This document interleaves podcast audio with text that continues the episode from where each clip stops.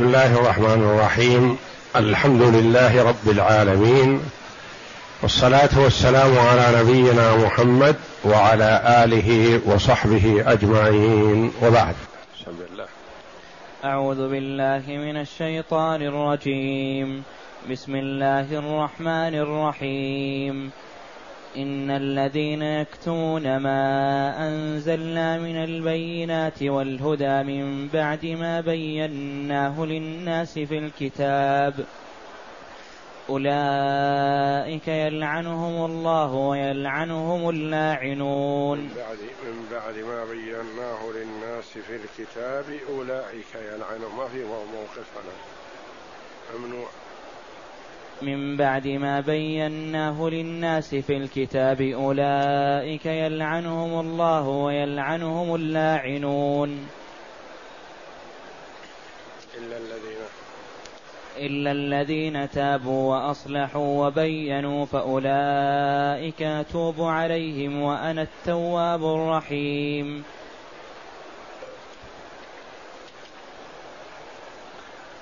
هاتان الآيتان الكريمتان من سورة البقرة جاءتا بعد قوله جل وعلا إن الصفا والمروة من شعائر الله فمن حج البيت أو اعتمر فلا جناح عليه أن يطوف بهما ومن تطوع خيرا فإن الله شاكر عليم.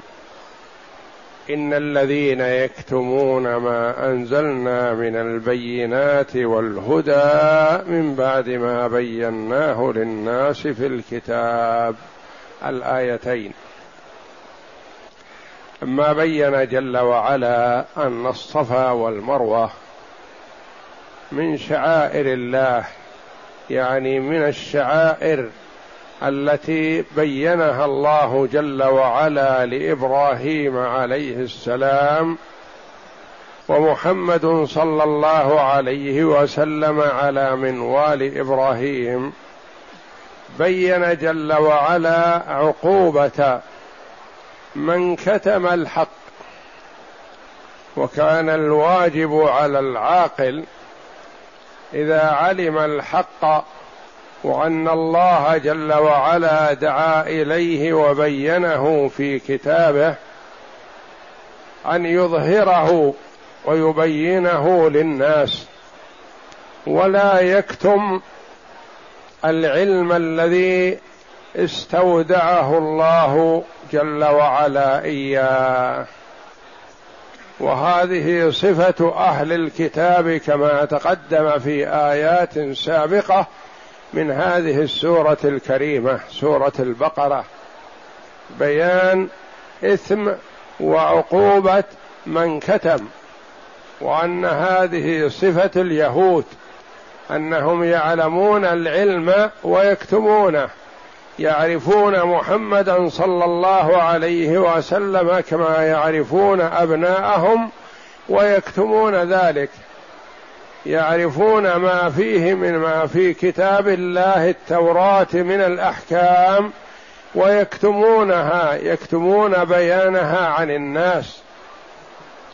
قال جل وعلا إن الذين يكتمون ما أنزلنا من البينات والهدى يعني من الشرائع والأحكام التي أنزلها الله جل وعلا لعباده لصلاح دينهم ودنياهم.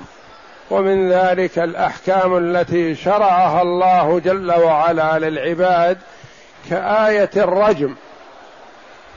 فآية الرجم موجودة في التوراة. وكان اليهود يرجمون. ثم لما كثر فيهم الزنا ووجد من الأشراف توقفوا عن الرجم وغيروه. فلما هاجر إليهم صلى الله عليه وسلم إلى المدينة حصل زنا من اليهود. فقال بعضهم لبعض هلموا نذهب بهذين إلى هذا هذا النبي فإنه بعث بالرحمة والرأفة. ودينه فيه السهولة والسماحة لعلنا نجد ما هو أخف مما عندنا.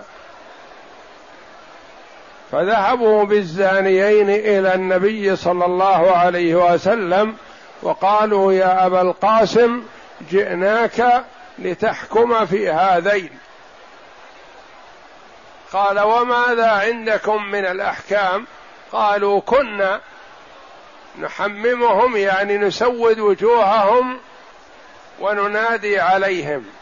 يركب الزاني والزانيه على حمار ويجعل ظهر كل واحد منهم إلى الآخر وتسود وجوههم وينادى عليهم بأنهم زنوا. فضيحة يفضحون فقط. فقال أما عندكم الرجم؟ قالوا لا. فقال النبي صلى الله عليه وسلم ائتوا بالتوراة. فأتوا بالتوراة وفتحها قارئهم وقرأ ما قبل آية الرجم وما بعدها وترك آية الرجم. وكان عبد الله بن سلام رضي الله عنه من علماء اليهود ويعرف موطن هذه الآية.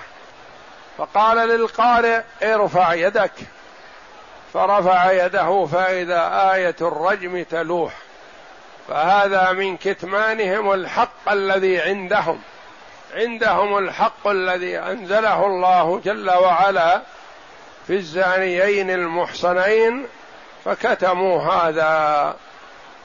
وكثيرا من الأحكام كتموها يعلمونها ويعرفونها ولهذا أمرنا الله جل وعلا بأن نستعيذ بالله من طريقتهم مع طريقة النصارى في قوله تعالى اهدنا الصراط المستقيم صراط الذين أنعمت عليهم غير المغضوب عليهم ولا الضالين. فالمغضوب عليهم هم اليهود عندهم العلم وكتموه. فأمر النبي صلى الله عليه وسلم لما طلبوا منه الحكم في الزانيين بأن يرجما. فرجم ورؤي الرجل يحنو على المرأة يعني يمنع الحجارة عنها يترفق بها. حتى رجم ومات تحت الرجم.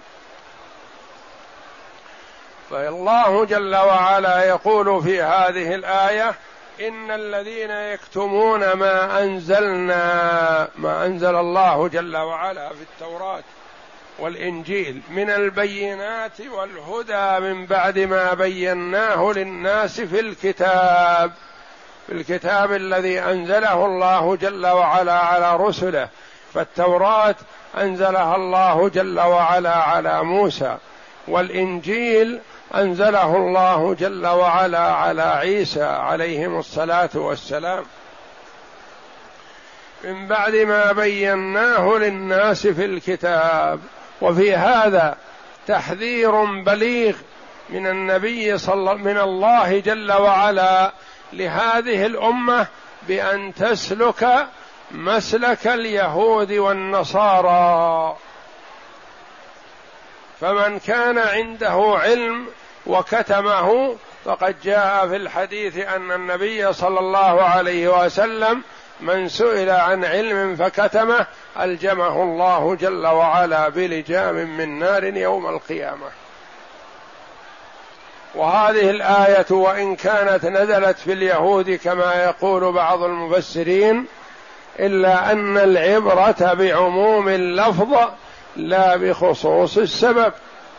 في هذه الآية تحذير لكل من عنده علم وكتمه. إن الذين يكتمون يعني يجحدون ولا يظهرون. ما أنزلنا من البينات والهدى من بعد ما بيناه للناس في الكتاب أولئك يلعنهم الله. والمراد بالكتاب الجنس الكتاب الذي أنزله الله سواء كان التوراة أو الإنجيل أو الزبور أو القرآن.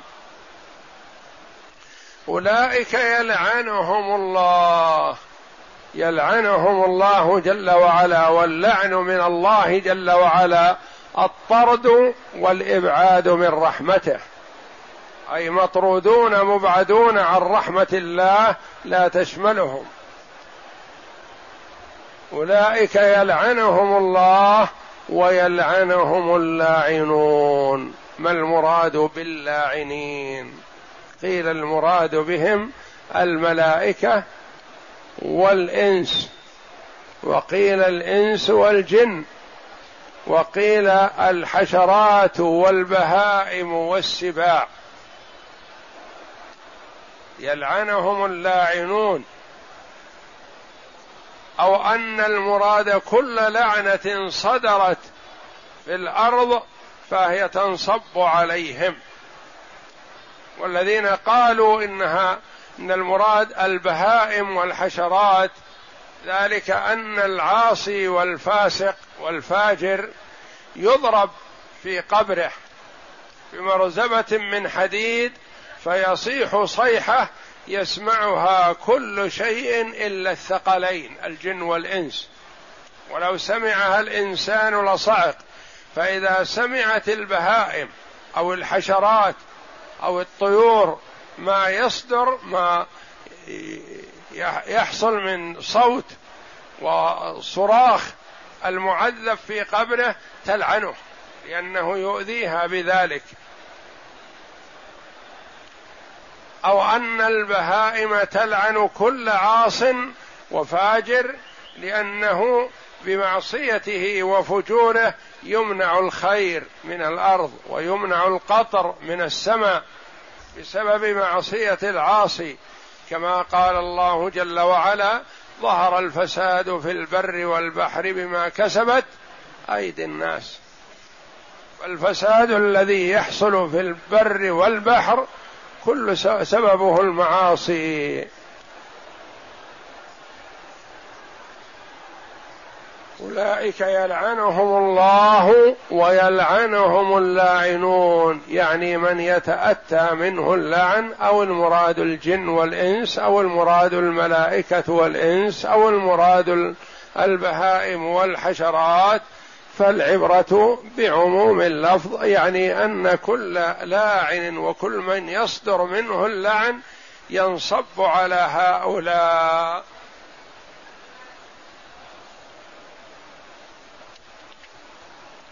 ثم قال تعالى من لطفه بعباده إلا الذين تابوا. يعني قد يكون كتم العلم. وما بين الحق. ثم من الله عليه بالتوبة فتاب. وندم فإن التوبة تجب ما كان قبلها. إلا الذين تابوا رجعوا إلى الله وندموا على ما فرط منهم.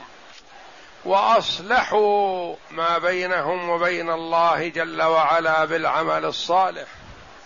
وبينوا الحق الذي كتموه سابقا فأولئك أتوب عليهم وأنا التواب الرحيم. فأولئك أتوب عليهم. يقبل الله جل وعلا توبتهم ويرحمهم لأنه هو التواب الرحيم. وأنا التواب الرحيم بمثابة التعليل لما قبله لأن الله قبل توبتهم لأنه تواب رحيم يعني يقبل توبة عبده إذا تاب إليه. والله جل وعلا كما جاء في الحديث الصحيح يفرح بتوبة عبده ويقبل جل وعلا توبة العبد ما لم يغرغر. فإذا غرغر وعاين الملائكة ملائكة العذاب حينئذ لا تنفعه التوبة كتوبة فرعون. لما أدركه الغرق قال آمنت أنه لا إله إلا الذي آمنت به بنو إسرائيل. قيل له آه الآن يعني الآن تتوب؟ الآن وقد عصيت قبل وكنت من المفسدين. فالله جل وعلا يقبل توبة العبد ما لم يغرغر أو تطلع الشمس من مغربها. إذا طلعت الشمس من مغربها حينئذ لا ينفع نفسا إيمانها لم تكن آمنت من قبل أو كسبت في إيمانها خيرا. فحري بالعبد أن يبادر بالتوبة إلى الله جل وعلا. أن يبادر بالتوبة إلى الله جل وعلا.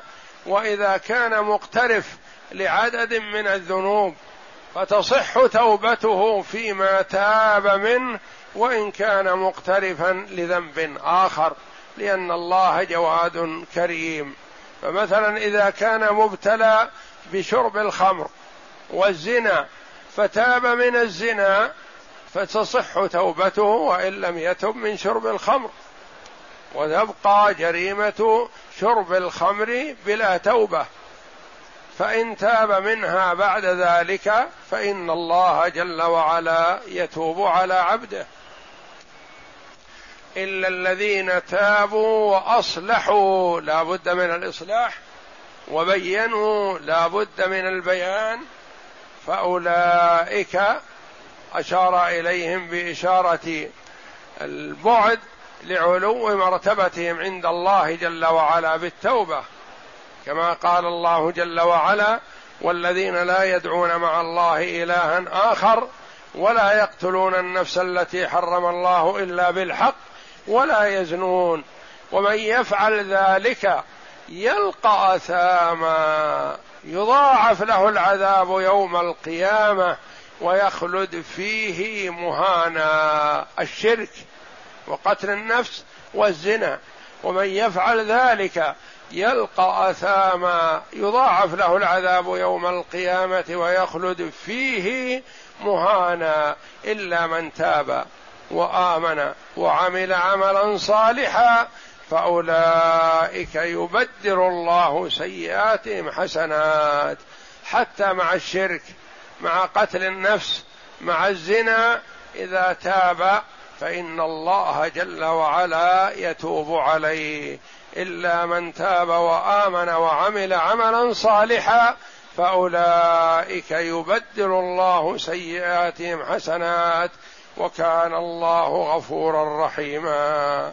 فحري بالعبد مهما اقترف من ذنب أن يبادر بالتوبة والله جل وعلا يتوب على من تاب. وقد جاء في الحديث الصحيح أن الله جل وعلا يقول يا ابن آدم لو لقيتني بقراب الأرض خطايا ثم لقيتني لا تشرك بي شيئا لأتيتك بقرابها مغفرة. والله جل وعلا يفرح بتوبة عبده. وإذا تقرب العبد إلى ربه جل وعلا شبرا تقرب إليه ذراعا. وإذا تقرب العبد إلى ربه ذراعا تقرب إليه باعا. ومن أتى إلى الله مشيا أتى الله جل وعلا إليه هرولة. وهو جل وعلا يفرح بتوبة عبده ويتوب على من تاب. فحري بالعبد الناصح لنفسه أن يبادر بالتوبة إلى الله جل وعلا ولا يستعظم ذنبه مهما عظم. مهما عظم الذنب وكثر وتنوع إذا تاب فإن الله جل وعلا يتوب عليه.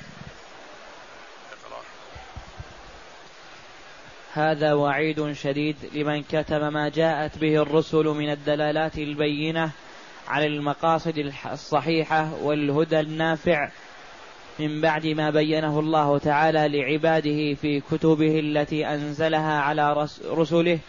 وقد نزلت في أهل الكتاب كتموا صفة محمد صلى الله عليه وسلم. وفي الحديث من سأل عن علم فكتمه من سئل عن علم فكتمه ألجم يوم القيامة بلجام من نار. وروي عن أبي هريرة رضي الله عنه أنه قال لولا آية في كتاب الله ما حدثت أحدا شيئا قوله تعالى إن الذين يكتمون ما أنزلنا من البينات والهدى الآية قال أبو العالية أبو هريرة رضي الله عنه أكثر الحديث عن النبي صلى الله عليه وسلم حتى قال له بعض الناس كيف أكثرت الحديث يا أبا هريرة؟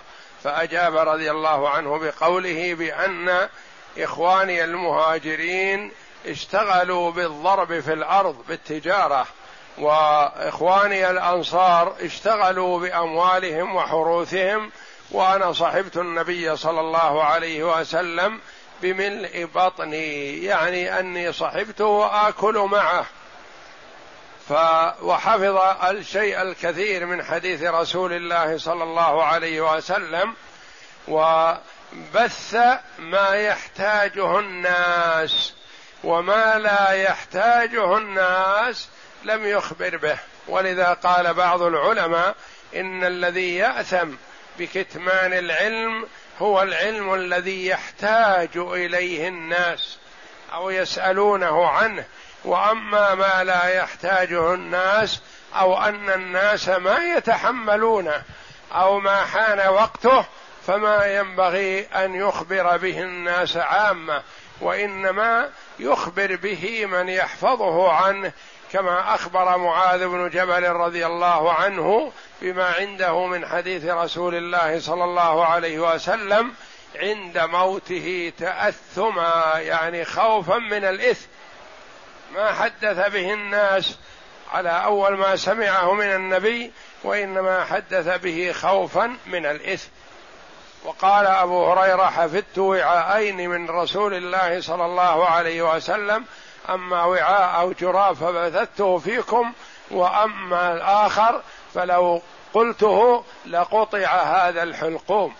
يقول يعني إنكم ما تتحملونه ولو قلته فيكم لا عملتم نحوي شيئا قد يصل إلى القتل أو كما قال رضي الله عنه. قال أبو العالية ويلعنهم اللاعنون يعني تلعنهم الملائكة والمؤمنون. وقد جاء في الحديث إن العالم يستغفر له كل شيء حتى الحيتان في البحر. العالم يستغفر له كل شيء حتى الحيتان في البحر. وكاتم العلم يلعنه كل شيء حتى الحيوانات.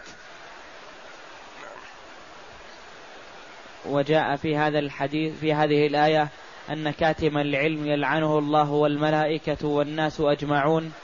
ثم استثنى الله تعالى من هؤلاء من تاب إليه. فقال تعالى إلا الذين تابوا وأصلحوا وبينوا أي رجعوا عما كانوا فيه وأصلحوا أعمالهم وبينوا للناس ما كانوا يكتمون. قال تعالى فأولئك أتوب عليهم وأنا التواب الرحيم. وفي هذا دلالة على أن الداعية إلى كفر أو بدعة إذا تاب إلى الله تاب الله عليه. يعني مهما عظم ذنب العبد حتى وإن كان من الدعاة إلى الكفر والإجرام فإذا تاب تاب الله جل وعلا عليه. فسحرة فرعون لما تابوا تاب الله عليهم. وقاتل مئة نفس لما تاب تاب الله جل وعلا عليه. فقاتل أخبرنا النبي صلى الله عليه وسلم في الحديث الصحيح عمن كان قبلنا عن رجل قتل تسعة وتسعين نفسا ثم حصل عنده شيء من الإرعواء والرغبة في التوبة. فسأل من يستفتيه فدل على عابد عابد لا علم عنده. فقال لي هذا العابد إنه قتل تسعة وتسعين نفسا ويرغب في التوبة. فقال له العابد الجاهل لا توبة لك. تقتل تسعة وتسعين وتريد التوبة لا توبة لك. فاخترط الرجل سيفه وقتله وكمل به المئة. وهذا هو الجاني على نفسه لأنه أغلق باب رحمة الله جل وعلا فهو القاتل لنفسه. ثم إنه يرى هذا الرجل قاتل سفاك قتل تسعا وتسعين نفس ثم يجابهه بهذا الجواب السيء فقتله ثم سأل عن أعلم أهل الأرض فدل على عالم فجاء إلى العالم وقال إنه قتل مئة نفس. أول يسأل يقول قتل تسعة وتسعين. قتل مئة نفس فهل له من توبة؟ فقال هذا العالم نعم. ومن يحول بينك وبين التوبة؟ باب التوبة مفتوح. ولا يغلق عن العبد إلا في حالين إما أن تطلع الشمس من مغربها أو أن يغرغر يرى ملائكة العذاب حينئذ لا تنفعه التوبة. ولكن بلدك هذه ومحلك محل سوء الذي قتلت فيه مئة نفس فانتقل إلى مكان كذا فيه أناس يعبدون الله فتعبد الله معهم. فذهب إلى البلد التي يريد أن يعبد الله فيها لأن فيها ناس يعبدون الله. فجاءه ملك الموت وهو في الطريق. فحضرت ملائكة الرحمة. تقول إنه تائب. وحضرت ملائكة العذاب. تقول إنه مجرم سفاك قتال. فاختصموا فيه فأرسل الله جل وعلا إليهم ملكا في صورة إنسان فتحاكموا إليه. فقال قيسوا ما بين البلدين. فإن كان إلى بلد الأخيار أقرب فتقبضه ملائكة الرحمة وإن كان إلى بلد الأشرار أقرب فتقبضه ملائكة العذاب. فجاء في الحديث أنهم قاسوا وجدوا ما أنه أقرب إلى بلد الأخيار بشبر. وفي رواية انه ناء بعنقه لما جاءه ملك الموت يعني دفع بنفسه إلى البلد التي يريدها فكان أقرب إليها بهذه الدفعة. وفي رواية أن الله جل وعلا قال لبلد الأخيار تقربي ولبلد الأشرار تباعدي فكان أقرب إلى بلد الأخيار فقبضته ملائكة الرحمة. ذلك أن الله جل وعلا جواد كريم يحب أن يرحم عباده سبحانه وتعالى. فصل. ولا خلاف في جواز لعن الكفار.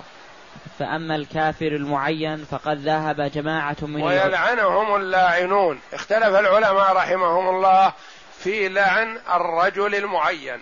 أما لعن الكفار ولعن المنافقين فهذا بالإجماع جائز لا بأس به لأنه ورد في آيات كثيرة من القرآن. اللعن العام لعن الكافرين لعن المنافقين. وأما المعين فإذا كان فاسق وعاصي فلا يجوز لعنه لأن النبي صلى الله عليه وسلم نهى عن لعن شارب الخمر.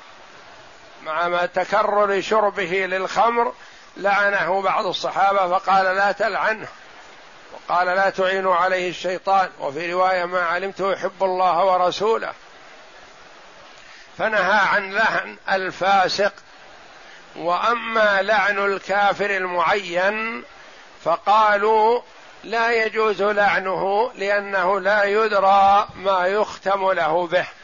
فقد يكون كافرا ثم يؤمن فلا يستحق اللعن. ولعل هذا أولى ما دام على قيد الحياة فلا يلعن لأنه لعن معين والمرء لا يدري ما يختم له به من عمل. فيتحاشى عن لعنه وأما مات على من مات على الكفر والضلال فقد جاء لعنه في القرآن والسنة.